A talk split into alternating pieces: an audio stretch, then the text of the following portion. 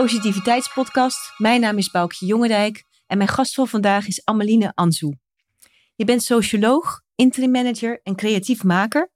En op jonge leeftijd verloor je helaas allebei je ouders. Maar dat zet je wel aan om je mooie boek te maken, van harte gecondoleerd, jong en verder zonder ouders. Het boek over rouw zonder zwart randje. Daarna maakte je ook nog een mooie podcast, genaamd Rouwrituelen. En samen met de zangeres uh, Wendy Hogendijk heb je een uh, theaterstuk ontworpen waar het ook gaat over het verlies van uh, familie. En dat heet Oprouwtour. Ja, ik ben heel blij dat je in de podcast bent. Hartelijk welkom, Ameline. Dankjewel. Ameline, fijn dat ik bij je ben. Um, ik vind het wel leuk om even jou wat beter te leren kennen, ook voor de luisteraar. Zou jij misschien even ons willen meenemen naar je jeugd? Van toen je, ja, waar je vandaan komt als klein meisje? Ja, uh, ik zeg altijd, ik ben een geboren en getogen Rotterdammer met uh, ouders uit Drenthe en Sierra Leone, West-Afrika. Um, nou, ik ben dus mooie combinatie. Een mooie combinatie, ja. Uh, dus ik ben opgegroeid in Rotterdam. En in de vakanties was ik heel veel in Drenthe. Kom ik nog steeds heel graag. Of die combi ja, vind ik nog steeds heel fijn. Um, en op mijn zeventiende ben ik voor het eerst naar Sierra Leone toegegaan. Dus het geboorteland van mijn vader. Daar ben ik toen een paar maanden gebleven. En um, ja, als ik dan nu terugkijk, is dat ook wel heel erg vormend geweest. Want jouw ouders woonden allebei in Nederland. Ja, oh. die wonen in Nederland, ja. Maar um, ja, mijn vader is uh, zelf als student uh, op de Erasmusbeurs uh, naar Nederland toegekomen. En um, heeft hier heel lang gewoond en is toen op een gegeven moment weer teruggegaan. Mm -hmm. um, en ik ben hem toen op gaan zoeken en dat was echt heel fijn. En dat was ook voor het eerst dat je daar kwam? Ja, ja. En hoe vond je dat? Uh, ja, wel heel intens, want alles wat ik gewend was, was daar anders. Um, bijvoorbeeld als ik met mijn vader in Nederland afsprak uh, op Amsterdam Centraal, dan ja, eigenlijk keek ik dan gewoon een soort van de menigte in. En dan zocht ik het enige donkere hoofd. En dan kwam hij heel snel naar voren. En toen ik dus daar aankwam, merkte dat ik hetzelfde deed. Maar daar was natuurlijk iedereen donker. Uh, Dus die hele tactiek uh, werkte dan uh, gewoon niet. Um, maar nee, gewoon echt alles ja, van de manier waarop je, weet ik ja, je ontbijt, hoe je omgaat met mensen, hoe het ruikt, alles was anders. Maar het voelde wel heel erg als thuiskomen. Ja, dat, dat wilde ik jou net gaan vragen, maar dat zeg je zelf al heel mooi. Dus dat, ja. ja het zit ook in je gewoon dan. Van ja. en dan is het ook fijn om er terug te komen. Want heb ik het goed dat jij onlangs daar ook nog eventjes bent geweest? Ja, ja. ik probeer nu twee keer per jaar er naartoe te gaan. Um, en ik zie dat echt als familiebezoek. Wauw. Um, en ik vind dat heel fijn. Want ja, eigenlijk iedereen woont daar nog van, mm -hmm. van, van die kant. Um, dus ik vind het gewoon belangrijk om, uh, ja, om die mensen te zien. En zij kunnen niet deze kant op komen. En voor mijzelf is het ook gewoon fijn om weer even te aarden. Een soort van, uh, hier, hier ga ik toch een beetje mee in de red race. Van uh, alles moet en vooral met agenda's werken en mm -hmm. op tijd. En daar hou ik van, want het is heel productief. Je kan mm -hmm. heel veel doen. ik ben het ook gewend. Um, maar ik vind het ook wel lekker om dat dan weer even helemaal los te laten. En gewoon de dagen ja, gewoon te zijn. En uh, dat je eigenlijk niet zo, niet zo'n. Dat je eigenlijk niet zo goed weet hoe je dag eruit gaat zien, omdat er altijd weer wat kan gebeuren. Of je maakt een plan om naar het strand te gaan. En ja, de auto is kapot. Ja, nou, dan ga je dus gewoon niet naar het strand. Ja. En dan hoef je dan ook niet over te balen of zo. Ja, dat is toch gewoon zo. Mooi. Ja. En uh, wat zou het geheim van hen daar zijn? Want dat, dat is wel grappig. Jij zegt heel duidelijk, ook als je daar komt, ga je dus in een andere modus. En de mensen daar ja. zitten al in die andere modus, wat minder in de red race, lijkt het wel? Ja, je accepteert wat is. Maar ik moet erbij wel zeggen, ik heb een hele luxe positie. Want ik kom daar in mijn roze wolk van het weer is mooi, het strand ja. is mooi, het eten is heerlijk, de mensen zijn aardig. Maar ik hoef, ik, ja, ik hoef niks met het systeem. Dus ik bedoel, een systeem bedoel ik, ik hoef niet naar de overheid voor een papiertje. Ik hoef niet te zoeken naar een baan. Want zodra je dat wel moet doen, is het een hele andere, ja. heel ander verhaal. En is het heel erg frustrerend. Ja. Dus je, je moet, het, voor hen is het het geheim, uh, is accepteren wat is. Maar het is ook als je, niet, als je dat niet doet, ja, dan word je helemaal gek. Ja, dan is mega frustrerend. Ja, ja. ja. En dan um, even jouw jouw jeugd. Ehm, heb je ook lange tijd bij je moeder gewoond? Ja. Want op een gegeven moment zijn jouw ouders gescheiden? Mijn ouders zijn uh, gescheiden toen ik relatief jong was. En ik ben bij mijn moeder uh, uh, thuis opgegroeid. En ik ging dan vaak in weekenden naar mijn vader toe. Ja. En toen ja, is zij helaas ook, ook ziek geworden? ja, mijn moeder werd ziek toen ik elf was. Toen kreeg ze lymfeklierkanker.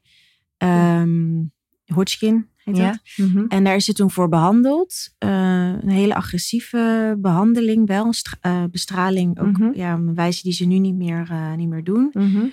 Daar is ze van hersteld. Maar er is toen al tegen haar gezegd van... Um, de kans is groot dat hij op een gegeven moment last gaat krijgen van hartfalen. Door die bestraling, omdat natuurlijk ook heel veel goede dingen kapot maakt. Mhm. Um, en toen heeft zij vervolgens nog tien jaar gewoon geleefd en gewerkt. En zijn we op vakanties geweest. Mhm. En ze heeft me zien afstuderen. Uh, maar op een gegeven moment ging, haar ging het wel weer... Uh, ja, haar gezondheid achteruit. En daarmee werd haar leefwereld ook kleiner. En namen mijn zorgtaken voor haar eigenlijk toe. Ja. Wist jij toen je zo jong was, hè, want elf... Uh, ja, heeft je moeder dat aan jou kenbaar gemaakt? Dat, dat, dat die levensverwachting uh, beperkt was? Hè? Ja, je weet het allemaal natuurlijk niet hoe, hoe je leven loopt, maar nee. uh, heb jij met die, met die, met die uh, nare boodschap, moeilijke boodschap moeten leven? Of? Nee, nee, nee. Want toen zij herstelde was, was het wel gewoon van, nou, je bent weer beter. Ja. ja. Um, maar ik heb me wel altijd beseft van, ja, zij gaat niet oud worden. Of misschien meer beseft van, wees je ervan bewust, het, het kan over zijn, zeg maar. Dus ik heb wel heel bewust, um, ja, bijvoorbeeld moeder zei ook, ik heb nooit thuis gepubert. Bijvoorbeeld was ook omdat ze toen oh. natuurlijk ziek was, maar ja? ook wel zo van, ja, ik moet waarderen dat dat, dat wat wij hebben of zo. Dat, dat heb jij niet... heel erg gevoeld dus eigenlijk, Ja. van, uh, dat het bijzonder is dat ze is. En je hebt eigenlijk geprobeerd Ja. op de dag te plukken met haar. Ja, Van, uh, ja, onbewust wel, ja. mooi, ja. ja. Ja. mooi. Um, je zegt eigenlijk van op een gegeven moment ben jij dus voor je moeder gaan zorgen. Je bent Ja. het zo intensief volgens mij gaan doen als ik jouw boek begrijp. Dat je nou echt mantelzorger Ja. verzorger bent geworden. Um, even kijken, ik zit even de tijd te denken. Toen was je echt nog jong. Dus toen was je... Nee, toen was ik ehm, begin twintig. Ja, maar ik vind dat wel jong. Oh, want ja. de, je, de ene is aan het feesten Ja. en aan het studeren. En Ja. iedereen is bezig en, en is heel erg in ontwikkeling. Ja, klopt. En jij wordt eigenlijk ook wel dan op, op iets verdrietigs teruggeworpen. En hebt dan ook nog een, een taak naast de jongelui die om jou heen vrienden zijn. Ja. Heb jij toch een hele bijzondere taak ineens die een ander niet heeft. Een Ja. ander heeft misschien een bijbaantje in een restaurant. Maar dat is best... Hoe, hoe heb je dat ervaren? Nou, ik had ook altijd bijbaantjes. Ja, oh, dat deed je ook nog even. Ja. Ja, want ik moest ook eh, de huur betalen. Nee, ehm, ja, vond ik heel zwaar. En het was Mhm. zolang je zelf. Ik, ik hoefde geen. ehm, mijn moeder had geen fysieke hulp nodig, dus geen persoonlijke verzorging. Maar het ging echt om. ehm, nou, begon met. Oh, nou, stofzuigen is zwaar. Ik ga wel even Mhm. stofzuigen. Ehm, naar. eh, ja, ik ga ook mee naar alle huisartsenbezoeken. Want mijn moeder die was dan best wel zo van. Nou, op een schaal van 1 op 10 valt de pijn wel mee. En ik nee, het valt niet mee. Je moet eerlijk zijn tegen die arts. Dus dan ging ik mee naar elk bezoek. Tot traplopen is moeilijk. Nou, we moeten eigenlijk een andere woning. Nou, ik doe wel die huisbezoeken. Oh, ik schakel wel met een makelaar. Dus dat, dat Dus je gaat hebt heel veel geregeld ook. Van, ik heb eh, eigenlijk al, ja, ik heb steeds meer geregeld en gedaan. En, ehm, en daar was ik ook goed in. Dus het was ook niet, ja, het was ook vanzelfsprekend of zo. Maar als je dat allemaal, zolang je dan in je eigen bubbel blijft zitten, is dat prima. Ja, overdag werken. Ik woonde toen in Utrecht en dan Mhm. s'avonds reed ik terug naar Rotterdam en dan koken. En, mhm, Maar eh, op het moment dat je dan met vrienden afspreekt in de kroeg, mhm. dan was het heel confronterend om te zien van, oh wacht, oh ja, ja. Oh ja, jullie zijn aan het feesten. Of oh, je hebt een leuke nieuwe baan. Of Mhm. oh, je gaat op vakantie. Of oh, je gaat een half jaar weg. mhm. Dat daar, die momenten waren confronterend. eh. Ja. Want dan ontkom je er niet aan om soort van te zien hoe anders je eigen leven is op dat moment. ja, want zolang je erin zit, heb je het niet, eigenlijk bijna niet in de gaten. Nee. En wat ik wel ehm, mooi vind, jij zegt, daar was ik goed in. Volgens mij ben je daar nog steeds heel goed in, want je bent ook eh, interim manager. Ja. Dus je bent echt van, ja, van het organiseren. Dus je hebt ook gewoon dat, ja, vanuit je, je, eigen, ja, je eigen waarden en zo heb je dat gewoon opgepakt. Ja, het zal het ongetwijfeld ook hebben versterkt. Ja, Ik bedoel, maar ja. het is wel mooi. Van, eh, dan zit ik even te denken van, ehm, had je in die tijd ergens steun aan? Ehm, want je, ja, je, je zegt ook, ik had twee werelden. Als ik dan in de kroeg kwam, dan kwam ik vrienden tegen. Die zaten eigenlijk ook nog in een hele andere wereld. En je zat in een soort van eigen bubbel. Ja. Maar wat was je steunpunt? Of, of? Nou, ik heb wel echt. eh, mijn moeder had heel veel. Had, heeft heel eh, fijne familie en vrienden. En ik ook. En die waren er ook echt. Alleen. ehm, voor mij, om het vol te houden, moest ik een soort in een. Nee, ik kan dit zelf modus. Dus dat is ook wel wat ik ja, mezelf eigenlijk of anderen nu graag wil meegeven. Van ja, ook al kan je alles zelf, het hoeft heel vaak niet. En doe dat dan ook alsjeblieft niet. Want het was daarna wel veel. Mijn herstel daarna, zeg maar nadat zij was overleden, ik heb toen een burn-out gehad. Dat was wel echt veel langer, juist omdat ik zo erg alles zelf wilde doen. Ja, zeg je daarmee, ehm, je mag meer delegeren, je mag hulp vragen. Ja, of hulp accepteren. Ja, dat, dat is natuurlijk ook vaak. Ja, want heel vaak mensen bieden wel iets aan. ehm, maar dan moet je het ook accepteren of zo. Mhm. Ja. En, en, en of dat nou mentaal is of, eh, of, of nou, weet je wel, een ander die de stof zuigt. Ja, het kan ook in hele kleine dingen al zitten. Ja, Van, ja. eh, Zeker. maar eigenlijk zeg je van, voor anderen die met zoiets te maken krijgen, ehm, ja, neem het aan als mensen naar je toe komen. Ja, of vraag het. Ja, Of, want dat is eh, natuurlijk ook niet, niet iedereen heeft wat, wat Jan, je moeder heeft opgebouwd met jou samen, een vriendenkring en Nee. familie die, nou ja, groot is of, of ook eh, betrokken. Ja. Dus eh, Nee, en heel vaak weten mensen niet zo goed wat ze dan moeten doen. En dan, ja, dan is het een beetje ja, een bekende zin van je mag me altijd bellen. Dat geldt natuurlijk als iemand, ja, kan ook Mhm. als je in scheiding ligt of wat dan ook. mhm. Eh, maar dan kan je ook, als, als het eh, om jou gaat, kan je ook zelf wel aangeven waar je wel behoefte aan hebt. Van nou, je zou me best wel helpen als, Ja. weet ik veel, je dan een keer boodschappen doet. Ja. of, En over het eh, algemeen vinden mensen dat heel fijn ook, hè? ja, om iets te doen. Ja, Ja. en dat is dan concreet. En dan weet je ook, nou, daar help ik je mee. En ja, dat is eigenlijk een win-win eh, Ja, situatie. dat Ja. is mooi. Heb je in die periode nog iets gemist? Dat je, als je daarop terugkijkt, dat je zegt van nou, als ik nou achteraf gezien dat of dat had gehad of gedaan, eh, dan was misschien ehm, Nou, wat minder zwaar geweest. Nou ja, wat nu wel steekt, maar dan heb ik het even puur over mijn tijd als mantelzorger. Dus voordat Ja, ja. mijn moeder was ja. overleden. ehm, was dat toen was mantelzorgen gewoon nog geen ding in Nederland. Dus ik Mhm. ging naar de gemeente om te vragen, ja, is er misschien eh, ja, een potje of hulp of wat dan ook. En ik kon toen aankloppen bij het potje ouderenzorg, omdat Mhm. mijn moeder 55 plus was en niet mantelzorg. Dus ik ben heel blij dat er nu heel veel oog is voor eh, mantelzorgers. Want dat heb ik wel gewoon, ja, hoe zeg je dat? Het begrip van, oh ja, dat is best wel intens. En niet, kijk, nogmaals, voor de ene is het fysiek zwaar, maar ik vond vooral de, de emotionele belasting. Je maakt je altijd zorgen. Ja. En dat stopt Het gaat niet. eh 24 uur per dag, eh 7 Ja. dagen in de week door. Als ik niet bij haar thuis ben en zij slaapt slecht of ik weet dat ze kortademig is, ademt ze dan wel door.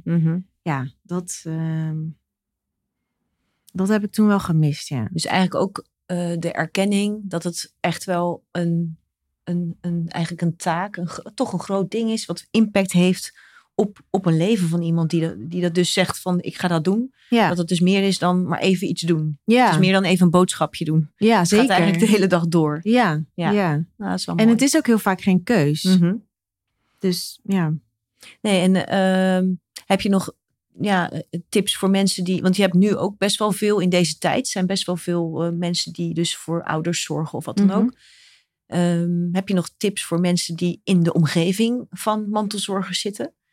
Ja, als je bijvoorbeeld. ehm, maar goed, nogmaals, je moet al. Het belangrijkste is vraag waar iemand behoefte aan heeft. Ja, dat is wel mooi. Want eh, we gaan eh, heel vaak af op aanname. Zo van ik zou dat fijn vinden, dus. Of ik zou dat niet fijn vinden, dus ik vraag het niet. Nee. Je weet het niet. Mhm. Je weet het alleen als je het vraagt. Dus dat is eigenlijk ja, als eerste voor alles. Eh, maar wat ik zelf bijvoorbeeld fijn vond, was als dan vriendinnen zeiden van... Oh, ben je woensdag thuis? Dan kom ik met eten naar je toe. Bijvoorbeeld. Want het is heel, ja, dan ben je helemaal ontzorgd. Je hoeft je ook niet schuldig te voelen. Of, of ja, dat iemand anders in je keuken gaat staan. Nee, gewoon met eten naar je toe. Klaar. Dat soort dingen. Ja, Ja. Fijn. Ja, Ja. mooi. Dus eigenlijk gewoon ook voor elkaar klaarstaan. En ook, ook, Ja. ook erop door- durven doorvragen. Of, of, durven aan te bieden. Ja. Mooi. Ehm, nou, je hebt die, die hele intensieve, uh, lange fase gehad van uh, zorgen voor.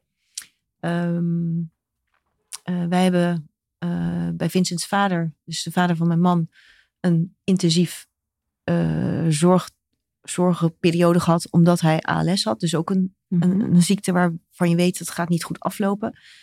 Wij hebben dat achteraf wel fijn gevonden dat je nog best wel een lange periode tijd hebt met elkaar om nou ja, goede gesprekken te hebben of gewoon bij elkaar te zitten. Ja. Heb jij nog wel, heb je fijne herinneringen ook wel aan die periode? Dat je, dat, dat je zegt van ik ben wel blij dat, dat zo, ik het zo heb kunnen doen? Zeker. Ja, de reden waarom ik er ook dus zo openlijk over kan praten is omdat ik gewoon heel erg trots ben en dankbaar voor alles wat ik heb gedaan en wat ik voor haar heb kunnen doen. Um, dus ja, ik kijk daar zeker met een goed gevoel ja, terug. Dat is ook wel mooi. Dat is ook wel mooi heel zwaar. Dat, uh, nee, het is heel mooi als je dat kan doen. Van, uh, ja, even, ja, we moeten toch een beetje door de, nou ja, door de moeilijke stof heen, zou ik maar zeggen. Mm -hmm. uh, nou, jouw moeder is overleden daarna ja. in Nederland. Ehm, heel kort daarop, dus toen was jij volgens mij 23, als ik het goed zeg. Dus ja. echt jong. Ehm, jouw vader is een aantal jaren daarna overleden. Toen was je 27. Dus je hebt eigenlijk in een hele korte periode beide ouders verloren. Ja. En ook, ja, jou, jouw vader is overleden ook in Sierra Leone. Ja. Dus dat zijn eigenlijk ook de ene in Nederland, de andere in Sierra Leone. Um, kan jij iets vertellen van, ja, dat zijn andere landen. Uh, misschien de familie gaat er misschien anders mee om. Ja. Hoe, hoe dat is geweest. Ook dat je in twee culturen, jij hebt meegemaakt in twee culturen eigenlijk een overlijden. Ja. Maar uh, mijn vader overleed uh, in 2014 midden in de ebola-uitbraak in, ja. in Sierra Leone. Dus het was letterlijk in de week dat um, iedereen het land uitvluchtte. Ging ik er in mijn eentje naartoe. Dat is ook al een hele gewaagde actie, ja. Ja, dat is. Ik heb me dat toen niet zo beseft, want ik dacht gewoon, ja, ik moet daarheen. Maar dat is wel echt tot op de dag van vandaag het meest dappere wat ik ooit heb gedaan. En ik, klop dat af. Ik hoop ook echt dat niks het ooit gaat overtreffen. Mhm. Dat was achteraf gezien echt heel eng. Vooral omdat hier iedereen ja, het eng vond. Het me eigenlijk afraden. Hè. Ik bedoel, ja, als de huisarts zegt, doe het niet. Mm-hmm. Ja, dat ja, is toch wel... Ja, ik ga toch. Maar er zit wel een soort oerkracht ook in je, hè? Van dat je naar je vaders... Ja, ik wilde daar gewoon heen. Ja. En ik dacht ook wel van als het echt te gevaarlijk is, want uiteindelijk viel dat best wel mee hoor, maar Mm-hmm. um, dan zou mijn familie ook niet hebben gezegd, kom maar. Daar had ik wel die overtuiging uh, van. Um, maar goed, ik stapte in mijn eentje in een vliegtuig waar normaal, uh, ja, weet ik veel, honderden mensen in passen. En we waren met 15 passagiers. Mm. En um, gek gevoel ook. Een heel gek Ja. gevoel. En je Mhm. komt aan en je ziet dan de mensen helemaal in pak, uh, zeg maar, je temperatuur opmeten. En je mag niemand aanraken. En ja, en zijn uitvaart zelf was gigantisch groot. Um, Is dat gebruikelijk daar? Of ja. ja, ja. ja, en mijn vader was daar. Uh, je had, ja, ik weet niet hoeveel netten je nu hebt, maar daar, weet je wel dat je. Hier heb je dat volgens mij ook bij RTL Z of zo, dat je dan onder in zo'n balkje ziet ja, ja, staan. dat er tekst komt. tekst ja? komt, ja. En Mhm. daar stond dan ook in dat hij was overleden. Um, dat Dus hij was niet- bekend? Of Nee, hij is helemaal niet bekend, maar dat is daar dan gewoon gebruikelijk. Oké. Zeg maar. Eigenlijk een soort van, in plaats van een rouwadvertentie Oh in de krant. Oh, eh, bijzonder, ja. heb je dat. Maar daardoor wisten dus wel heel veel mensen dat hij was overleden. Ehm, ja, en die kerk zat echt overvol. En we gingen zijn lichaam ophalen eh, in het ziekenhuis. En dat ging dan, dan met sirenes. En dacht ik ook, ja, hoezo sirenes? Want hij is toch overleden. Maar dus file en je, het is warm. Dus je kan niet te lang stilstaan. Dus dat is dan weer gebruikelijk. Dus zeg maar in dat, ik had me er heel erg aan overgegeven van... ehm, ja, je moet gewoon hier eh, accepteren wat hier normaal is en daarin meegaan. Ja. Uh, maar tegelijkertijd is wel alles anders. Dus dat, Alles ook anders dan bij je moeder. Net Ja. nog vers geleden eigenlijk. Net vers daarvoor, ja. Uh, ja, en, maar ik vond het dan ook wel weer. Ja, het had, het had ook wel weer wat of zo. Ja, ik weet niet. Ik vond het heel. Um, ik heb me er toen een beetje aan overgegeven, wat ik toen wel heel erg had. Want er waren echt meer dan duizend man of zo. Maar ik dacht Zo. wel van, als hier iemand ebola heeft, dan, um, dan ben ik echt Ja, dat sjaak. speelde natuurlijk op de achtergrond ook nog mee. Ja. Ja, Ja. is... eh, Hij had zelf geen ebola hoor, maar ja, het is ja, dat. Uh, Dus dat is eigenlijk, als je dat dan met Nederlands vergelijkt, is het daar um, ja, grootser opgezet of zo? Of, of... Ja, nou je hebt sowieso, kijk, in Sierra Leone heb je heel veel stammen. Ehm, dus het verschilt ook nog weer in of je christelijk of moslim bent. Nou, mijn Mhm. vader heeft een christelijke achtergrond. Maar wat daar heel mooi is, is dat geloof geen issue is. Dus eh, om, rondom mijn vaders kist om afscheid te nemen stonden zowel eh, katholieken, met, of eh, sorry, christenen met een kruisje, Mhm. maar ook ehm, eh, ja, mensen binnen het richting Mekka, zeg maar. Dus dat kan tegelijkertijd naast en dat, elkaar. dat En is helemaal heel, prima. Ja. dat is gewoon geen onderwerp van gesprek, zeg Mhm. maar. Dus dat is echt Mooi, heel, heel mooi. Ehm, maar bijvoorbeeld in het afscheid was ook een, ehm, nadat we de kerkdienst uitgingen, een, eh een fanfareband die hem dan begeleidde naar het, eh, het graf. Maar daardoor, ja, omdat je fanfare bent, heel veel trommels en geluid. En daardoor, dat trekt ook weer andere mensen aan. Ja, ja, dus ja. die eh, groep die naar het graf liep, werd ook steeds groter en groter. En, Wel eh, mooi. Ja. Heel mooi. Maar ook bijvoorbeeld, ik was helemaal gekleed in het wit. Nou, in Nederland is dat natuurlijk eh, ja, voor een huwelijk, zeg Mhm. maar. Dus ja, allemaal dat soort dingen zijn dan echt heel anders. Ja, kan je, kan je zeggen, ehm, ik moet even denken aan eh, ook het, het, het vieren van mensen gewoon. Hè? dat, Mhm. ook, ook van mensen die zijn overleden. Wij waren vorig jaar in Mexico. En daar heb je dan eh, de dag van de doden Ja, de Los ja. Ja, dat is op 1 of- en 2 november. En dan wordt, wordt er ook echt uitgepakt. En dan wordt er, ja, ook met verkleedpartijen, echt aan de mensen gedacht en gevierd. Ja. Is dat ook misschien niet wat er een beetje bij zit daar? Van dat je, nou ja, je, je hoeft niet in het zwart. Je mag het ook op Ja. een andere manier doen. We pakken uit. Eh, Ja, dat zeker. Ik weet niet of het echt vieren van het leven is, maar het is wel. ehm, ehm, sorry, je moet hier even knippen, want. ik moet laten. Ehm, wil je nog een keer de vraag herhalen? Nou, is het, is het eh, daar zeg maar een soort van het, het vieren van het, eh, ja, dat, dat ze meer ook vieren hoe iemand is geweest of hem willen herdenken daarin. Ook bij de begrafenis, dat ze gewoon grootser uitpakken en, en, en met meer, eh, ja, het klinkt voor mij wat vrolijker Ja. dan dat je zwart gaat. En, Nou, wat, hier, wat ik hier gewend ben in Nederland, laat ik het zo zeggen, Mhm. is heel, inderdaad heel timide en heel stil en niet Mhm. te veel geluid maken. mhm. En dat is daar echt het tegenovergestelde. Ik weet niet zozeer of het echt vieren is of, of meer van emoties die eruit eruit moeten. gooien. Ja, en dat dat... Ja, ik heb je ook ergens dat, eh, horen zeggen van iedereen ging heel hard huilen. Ik Ja. vind dat eigenlijk ook wel mooi. Want ik zeg ook wel eens van tegen kinderen, joh, huil even heel Ja. hard. Ja. Dan is het ook, ja, nou ja, niet helemaal weg, maar dat, dat, dat lucht soms ook op. ja, het zit en als we het allemaal tegenhouden, dan eh Ja, dat voelt ook... Ik vind dat een beetje... Ja, je vergiftigt jezelf dan, zeg maar. Als het erin zit, je. gooi je het eruit. Ja. En dan inderdaad, het is de emmer even leeg en dan bouwt het wel weer op. Maar Ja.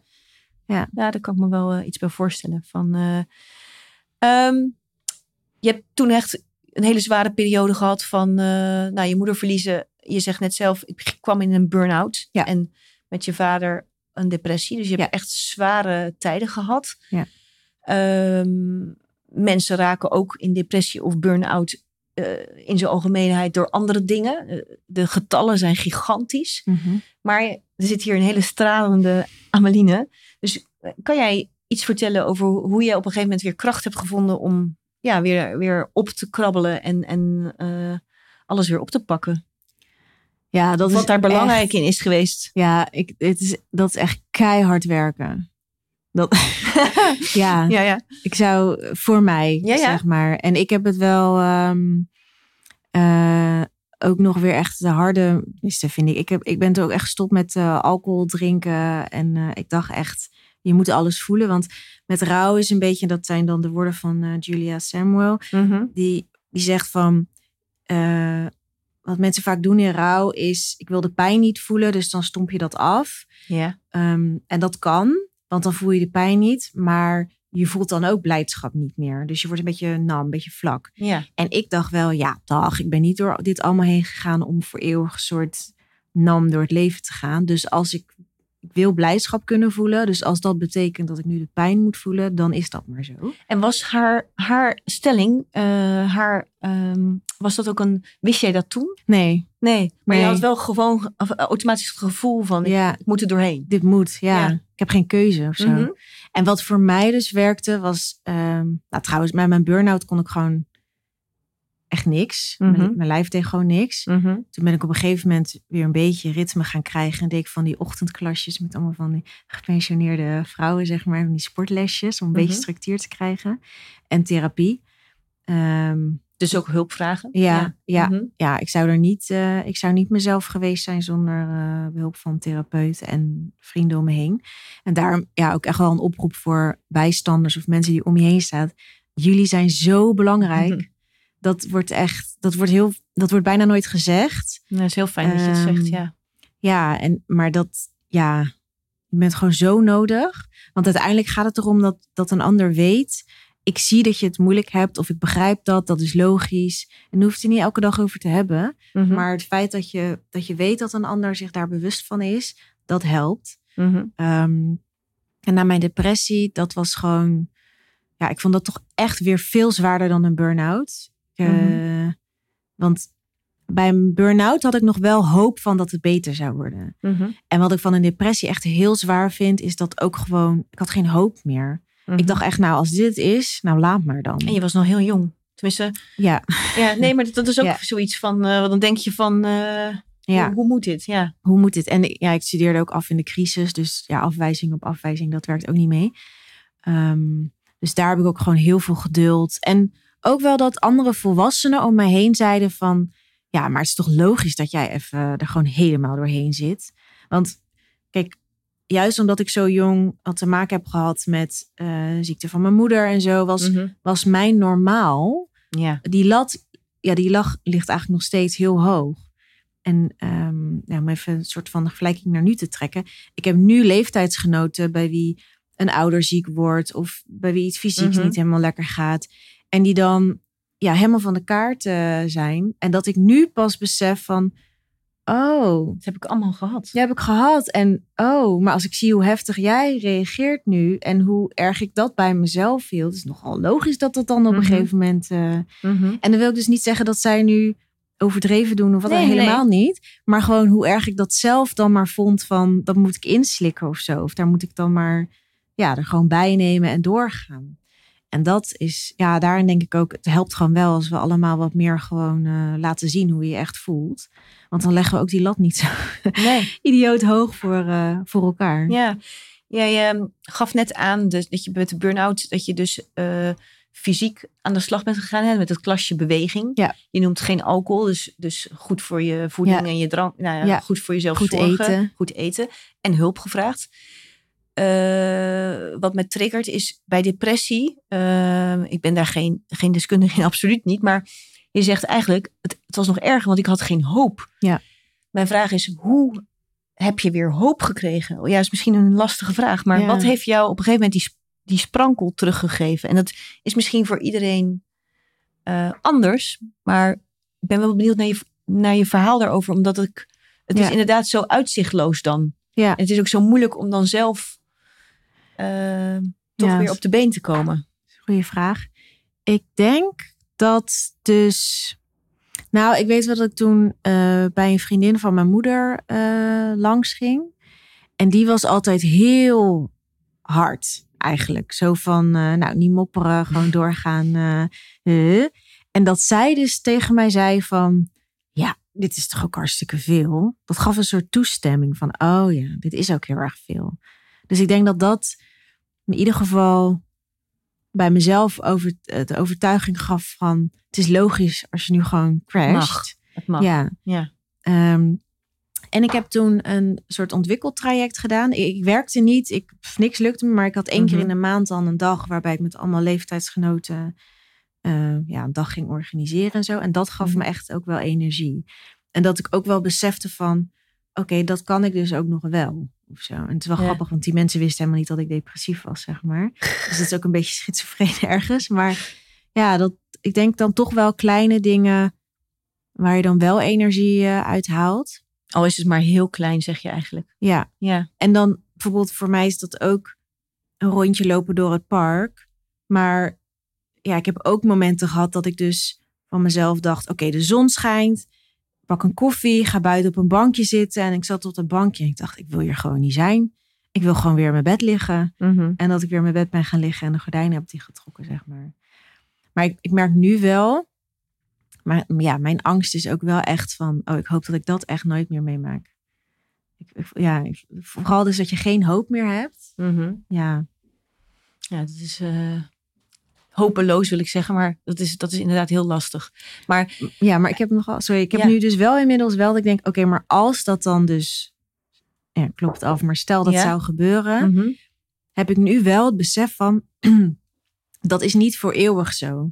Dus je kunt, je kunt er doorheen en dan wordt het ook echt wel weer anders. Dus Ja. dat vertrouwen heb ik nu weer heb ik ja, wel. dat is ook voor andere mensen belangrijk. Van dat je altijd het vertrouwen blijft. Dat het alles is in beweging, zeg je Ja. wel eens. Van, en dat kan de goede kant op gaan. Ja. Maar dat kan dus ook helemaal de slechte kant op. Maar het verandert op een gegeven moment weer. Ja. Je weet ook niet wanneer dat is. Maar als je maar de hoop blijft houden dat het dan een keer ten goede, al is het heel klein, weer verandert. Ja, of en als hoop niet lukt, wel het vertrouwen eh, op je lijf of op je mentale eh, zelf, Mhm. dat het anders wordt. Mooi, ja, mooi. Ehm, hoe heet het? Ehm, even kijken. Zijn er in die periode, kijk, eh, op, toen jouw ouders zijn overleden, dan zit je in rouw. En dat, nou, dat, je, je geeft, vertelt net hoeveel impact dat heeft.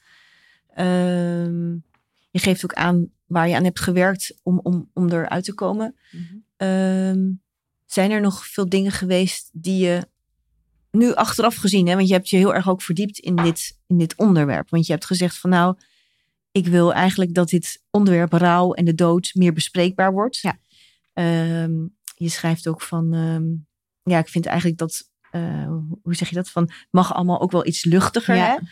En eh, het is vaak oncomfortabel om het erover te hebben. Ja. Maar je ziet dus wel dat, ja, je geeft net ook met je verhaal al aan dat het best wel belangrijk is dat je het er wel over hebt Zeker. voor jezelf, maar ook voor je omgeving, dat ze weten hoe het met jou gaat of waar ze kunnen steunen. Ehm, zijn er dingen achteraf gezien die, waarvan je denkt van ja, als ik dat of dat had gehad of had geweten, of, eh, dan had ik daar best wel veel aan gehad. Ja, nou ik denk dat eh, voor het boek heb ik een jaar lang gesproken met mensen die dan net als ik te jong boven de kist van hun vader of moeder hebben gestaan. En door die gesprekken realiseerde ik me van, oh, ik heb het hier eigenlijk heel weinig over. Gewoon over hoe het was, wat het met me heeft Mhm, gedaan. En Mhm. ik zag bij degene met wie ik het ges- gesprek had van hoe fijn dat was om dat te kunnen delen. Ehm, dus dat had ik wel graag gewild ook eerder. Ehm, maar met name om ook te zien van dat er zoveel manieren zijn waarop je ermee om kan gaan. Dus een voorbeeld ehm, is Marleen. Mhm. Haar moeder is eh, overleden toen zij 17 eh, was. Mhm. En zij zei, de eerste keer dat ik weer bij een eh, vriendin op bezoek kwam en die vriendin met haar moeder zag, Mhm. vond ik zo heftig. Dat trok ik niet. En zij zei, ik heb ook gewoon gezegd, ik hou van jullie, maar dit trek ik niet. Dus voorlopig kom ik niet meer. En ja, ik viel echt van mijn stoel, want ik dacht echt, nou, ik heb dus al die tijd, vond ik, dat vond ik ook heel heftig om te zien. En dan zat ik maar tegen mezelf te zeggen, ja, maar dit is nou eenmaal wat het is. Eh, Afsteller. ja, hier moet je gewoon overheen. Het is Mhm. echt niet in me opgekomen om. Het is wel in me opgekomen om bijvoorbeeld niet meer te gaan. Maar het Ja. is echt niet in me op. Wat ik dus ook niet deed trouwens. Want dat vond ik dan. Ja, dat, dat kan niet. Mhm. Maar het is ook niet in me opgekomen om gewoon te zeggen van. Ja, eh, heel leuk voor. Ja, weet je wel. Leuk Ja, ja. voor jullie. Ik hou van jullie. Niks ten nadele van jullie. Nee. Maar dit nu even niet. Ik denk zo. Dat had me zoveel worsteling geschild. Want wat je dan krijgt is dat je. eh, een gezellige avond hebt. Mhm. Maar ik zat me helemaal, ja, een interne Op worsteling. vreten, ja. Of, nou ja, ja, niet op te vreten, maar wel een soort gevecht aan te gaan met mezelf. Wat je dan of uitstelt of wat Mhm. later terugkomt. Terwijl ik denk, ik had ook gewoon dat niet kunnen doen. Ja. Dus gewoon, en, en dat bedoel ik ook met, ja, ik deed de aanname van dit is hoe het nu moet. Ja. En door dus te, te horen van, nee, ze hoeft dat helemaal niet. Is ook een andere manier. Daardoor ja, ging Ja, er voor mij echt mooi. een deur open. Dus je mag eigenlijk zo'n trigger mag je eigenlijk best wel of uitspreken of uit de weg gaan. Ja, Je hoeft hem niet, eh, omdat jij vindt dat dat dan nu maar moet, omdat het tijd is eh, Ja. om ermee om te kunnen gaan. En mensen begrijpen dat ook. En ook, ja, soms begrijpen mensen dat niet. En dan moet je ook maar bedenken, zijn dat dan mensen met wie ik om wil gaan? Mhm. Ja, en ook, ik zat nog te denken van waarom vinden we het allemaal zo moeilijk om, ehm, want eigenlijk is het ook iets, als ik het zo lees van jou en, en, eh, beluister, we vinden het ook allemaal best wel moeilijk om met dood om te gaan. En Mhm. met, met rouw en hoe dan de ander erin zit. En de makkelijkste weg lijkt soms eh, elkaar uit de- de weg te gaan. Ja. Omdat je dan niet de ander kwetst, maar misschien kwets je de ander juist wel. Dan kwets je de eh, ander juist, ja. Omdat hij heel graag toch de aandacht wil. Waarom zouden we ja, zo ingewikkeld met elkaar doen eigenlijk? Of in onze cultuur, hè? Want Ja. misschien zijn er gewoon... eh, jij bent ook met je podcast, ben je andere culturen Ja. aan het bekijken. Ja. Maar Nou, ik heb bij ons eh, zijn eigenlijk drie, eh, drie dingen. Eerst is dat we bang zijn voor onze eigen dood. oh ja, Ehm, en door na te denken of daarover te hebben, met de dood van een ander, ja, dan denk je ook aan je eigen, sterfelijkheid. je eigen sterfelijkheid. Mhm. En daar blijven we het liefst ver van vandaan. Mhm. Een ander ding is dat we ook gewoon niet zo goed leren om ermee om te gaan. En dan Ja. heb ik het specifiek over doorsnee eh, Nederlandse cultuur. Mhm. Vroeger gingen mensen veel vaker dood. En nu is doodgaan heeft vaker plaatsgemaakt voor ziek zijn. Dus we stellen het ook uit. Hè, Ja. Later in, eh, in ons leven. Mhm. Ehm, en een derde is dat we dus de aanname hebben van dat het dan meteen... Ja, nou, zeg ik, ik zeg we vinden het geen gezellig onderwerp. Ja, Dus je hebt meteen het idee van, oh, maar als ik hier iets over zeg, dan wordt diegene heel verdrietig. Of dan is de hele avond verpest of wat dan ook. ja. En dat is wat ik ook bedoel met, nou, het mag allemaal wel een tandje luchtiger. Want ja, eh, de dood van iemand of iemand die er niet meer is, dat is heel verdrietig en Mhm. dat is heel pijnlijk. Maar het daarover hebben hoeft niet per se zwaarmoedig te zijn. Nee, en dat, dat is mooi. Jij zegt ook ergens van, het is, dood is ook onderdeel van het leven. Ja, En dat vond ik ook, ik las jouw artikel eh, in de Flow eh, Mhm. van een tijdje geleden. En toen dacht ik, hé, hey, ik heb de positiviteitspodcast. Maar dit is juist omdat jouw blik erop eh, mooi is. En ook, je wilde het ook openleggen eigenlijk. Dacht ik van, dit is, vind ik ook voor de podcast gewoon heel mooi. Omdat ik dat ook heel positief vind. Dat het gewoon ja, ook een onderdeel van ons leven is. En ik zat erover na te denken. Ik dacht van ja, zolang je er niet mee echt te maken hebt. eh, ook als kind Mhm. is het de ver van je bedshow. En Ja. is het ook gewoon best wel lastig. En als, iemand, ja, als een kind bijvoorbeeld een, een dier eh, uit het gezin eh, meekrijgt dat het komt te overlijden, dan ga je al iets doen met Ja. dood, maar verder niet. Ehm, Maar ook dat, hè, want dan heb je heel vaak dat, dat zeg ik ook in de voorstelling, van ja, als Blub de goudvis overlijdt, Ja. hem dan niet stiekem weg en koop een nieuwe. En dat Oh. iedereen, weet je, hoe vaak je wel niet hebt gehoord van, nou, mijn goudvis Mm. werd acht jaar. Nou, Mhm. nee, waarschijnlijk niet, maar je hebt gewoon drie keer een nieuwe gehad, weet je wel. Maar dat zeg ik ook, ja, geef dat beest gewoon een staatsbegrafenis.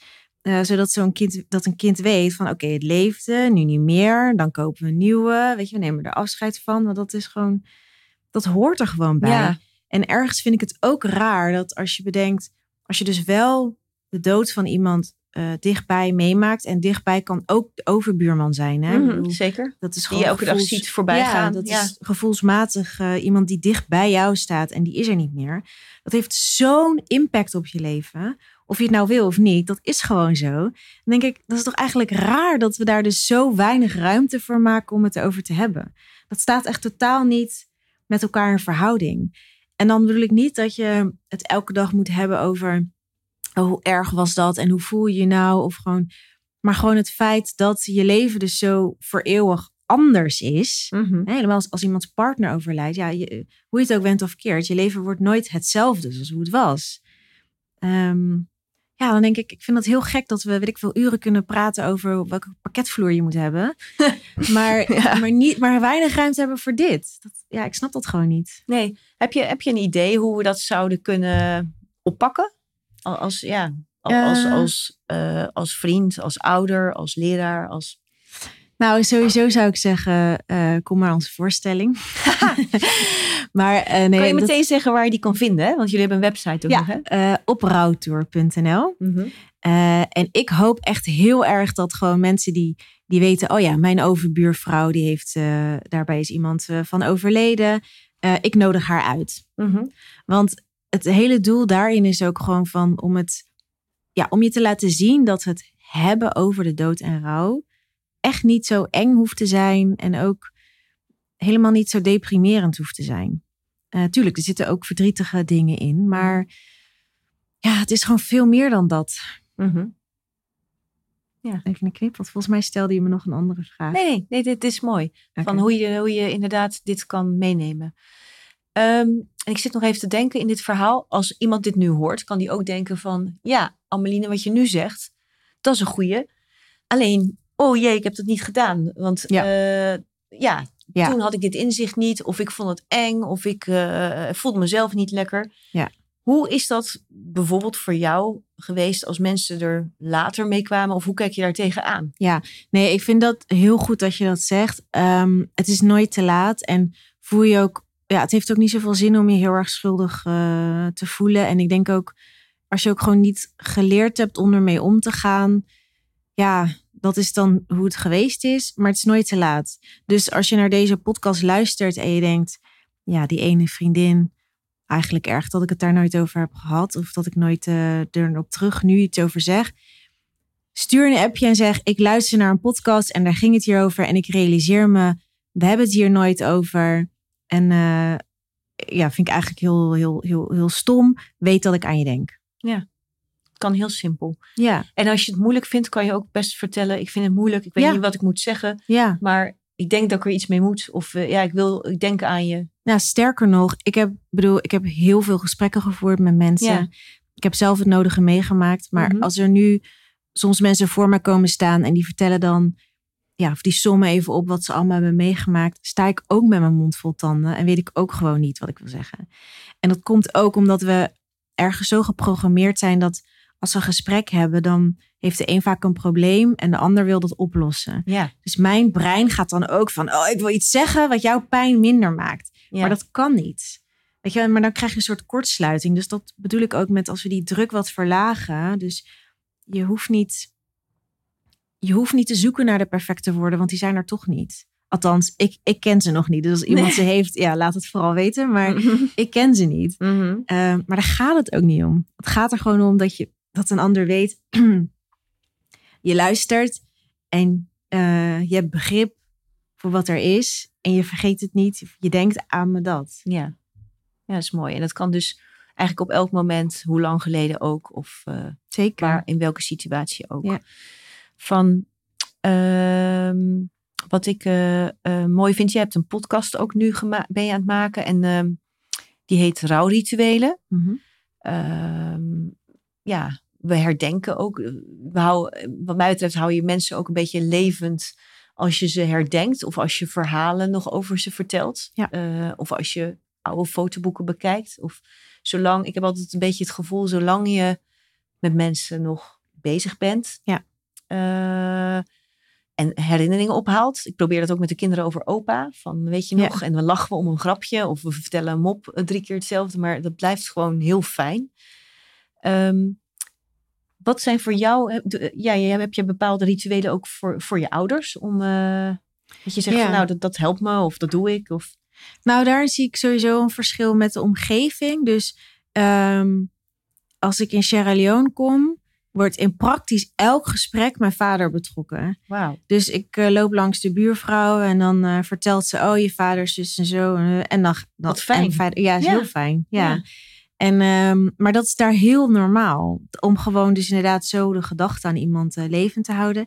Hier heb ik dat eigenlijk vrijwel nooit. Mm -hmm. um, wel is bijvoorbeeld, dan, um, ik, ik lijk soms in dingen die ik doe uh, wel mijn moeder. En dan zegt een uh, goede vriendin van haar, die zegt dan ook, oh je bent nu echt net je moeder. En dat is altijd, dat komt dan altijd als een soort shock, want ik ben daar dan op dat moment helemaal niet mee nee. bezig. Meestal ben ik heel erg pissig, want dan lijk ik, dan doe ik aan haar denken. Maar, um, maar ik vind dat zo fijn. Dat doet je goed. Ja, het doet me echt heel erg goed. En dan, het raakt me wel, mm -hmm. zeg maar. Dus dan soms zijn mensen even in shock van, oh, tranen had ik dat dan niet moeten zeggen. Maar het, het, het, mm -hmm. raakt juist. Um, maar rituelen die ik doe om mijn ouders in leven te houden is... Um, ik vertel vaak anekdotes uh, over mijn ouders aan nieuwe mensen. Ja. Um, daar kwam ik eigenlijk achter toen ik het boek schreef, want ik was me er helemaal niet van bewust. Mm -hmm. Maar dan, want kijk, de mensen die, die mij en haar kennen, die kennen die verhalen ook wel. Ja. Um, maar nieuwe mensen niet. Dus dan vertel ik die anekdotes en dan vertel ik er heel vaak niet bij dat ze zijn overleden, want dat is voor het verhaal helemaal niet relevant. Mm -hmm. Maar het is wel heel leuk om dan weer mensen te horen lachen om diezelfde grapjes. En grin ik je misschien ook in jezelf. Ja, ja, ik lach ja. gewoon heel hard ja. mee. En ehm, wat ik ook doe is dat ik ehm, als ik op vakantie ga, dat ik dan een steentje of een uh, schelp uh, meeneem. Mhm. En daar schrijf ik dan op waar ik was, of soms een verhaaltje of iets. En dat, die leg ik in een, ehm, ehm, in een mooie pot bij mijn moeder op het graf neer. Oh, wauw, mooi. Uh, ik wil dat ook altijd voor mijn vader, maar ik zeg, er wordt alles van het graf afgehaald. Dus dan, ja, die, die hoop heb ik maar opgegeven. Um, maar ik hoorde laatst ook iemand en die had dus een hele ja, soort avond gemaakt om iemand weer te herdenken. En die had een hele quiz gemaakt over die persoon. Met, met uh, vrienden, ja, dus vrienden familie? uitgenodigd en familie en zo. En die had een hele quiz dus gemaakt uh, uh, ja, over muziek die diegene dan leuk vond. Of grappen of weet ik veel wat. Ja. Vond ik zo mooi. Ja. Dat vergt natuurlijk wel iets meer Ja. voorbereidingstijd. Maar dat, ja, ik vond dat, um, ja, een goede tip. En nou ben ik heel, eigenlijk een beetje nieuwsgierig van, um, heb je in de podcast, mm -hmm. heb je ook mensen uit hele verschillende landen? Ja. Heb je daar nog bijzondere dingen gehoord? Ja, vast wel, maar is er, zijn er nog een paar sprekende voorbeelden waarvan je zegt, nou, ja, dat, dat zouden mensen ook zo kunnen doen. Uh, denk daar eens aan. Um, ja, niet nou, iedereen heeft altijd de creativiteit of nee, de nee, mogelijkheden om, om er uh, ja, uiting aan te geven. Ja. En soms is het heel fijn als je het van de ander hoort. Dat je denkt, wat je nu vertelt ook met die, waar ben ik geweest. Ja. En dan, dat is heel erg mooi. Ja, nee, ja, wat dat betreft zou ik echt zeggen, jat vooral wat goed voelt. Want Ja. waarom zou je allemaal zelf volgen. Ja.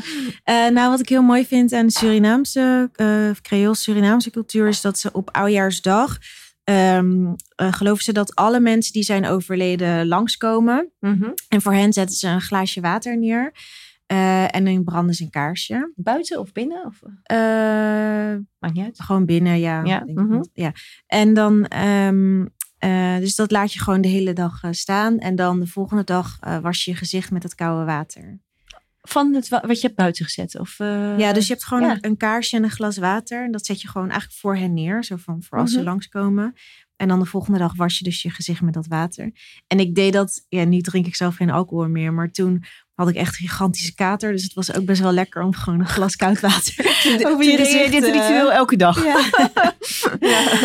Nee, maar dat ik echt dacht van, oh ja, ik vind het ook wel gewoon een mooie gedachte. Van, en ook niet per se dat één persoon langskomt, maar gewoon iedereen komt even langs. Ja, en wat ik ook wel mooi vind is eigenlijk als je het over rituelen hebt, je hebt er steun aan, Mhm. je bent er even mee bezig en je kan denk ik ook er invulling aan geven zoals je het zelf wil. Ja. Want dit is nu ja, misschien typisch Surinaams, Mhm. maar je kan ook nog iets bedenken eh, eh, wat, je, wat je zelf gewoon prettig vindt Ja. om te doen. Van, Ja. eh, Ja. mooi. Nou, ik vind het een hele mooie missie waar je mee bezig bent. Jullie, jullie tour is nog steeds dan... Ja, in de lancering is in het najaar. Dus vanaf oktober, november gaan we door het hele land optreden. Leuk. En de data zijn te vinden op jullie website op Ja. rouwtour.nl. Op router.nl. Ja. En ik vergeet bijna een hele belangrijke. Ik vraag aan iedereen altijd zijn eh, tegeltjeswijsheid, zijn, zijn spreuk.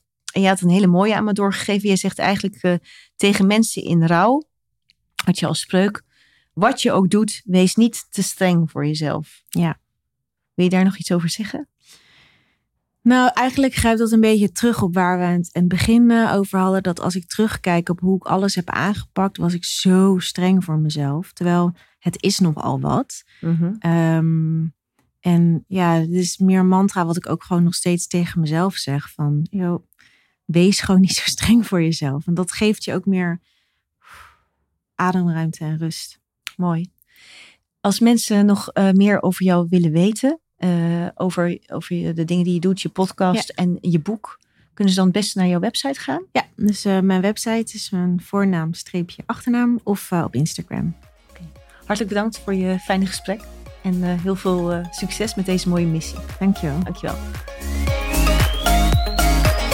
Bedankt voor het luisteren. Wil je meer inspiratie en een vleugje positiviteit van de mooie gasten die ik interview?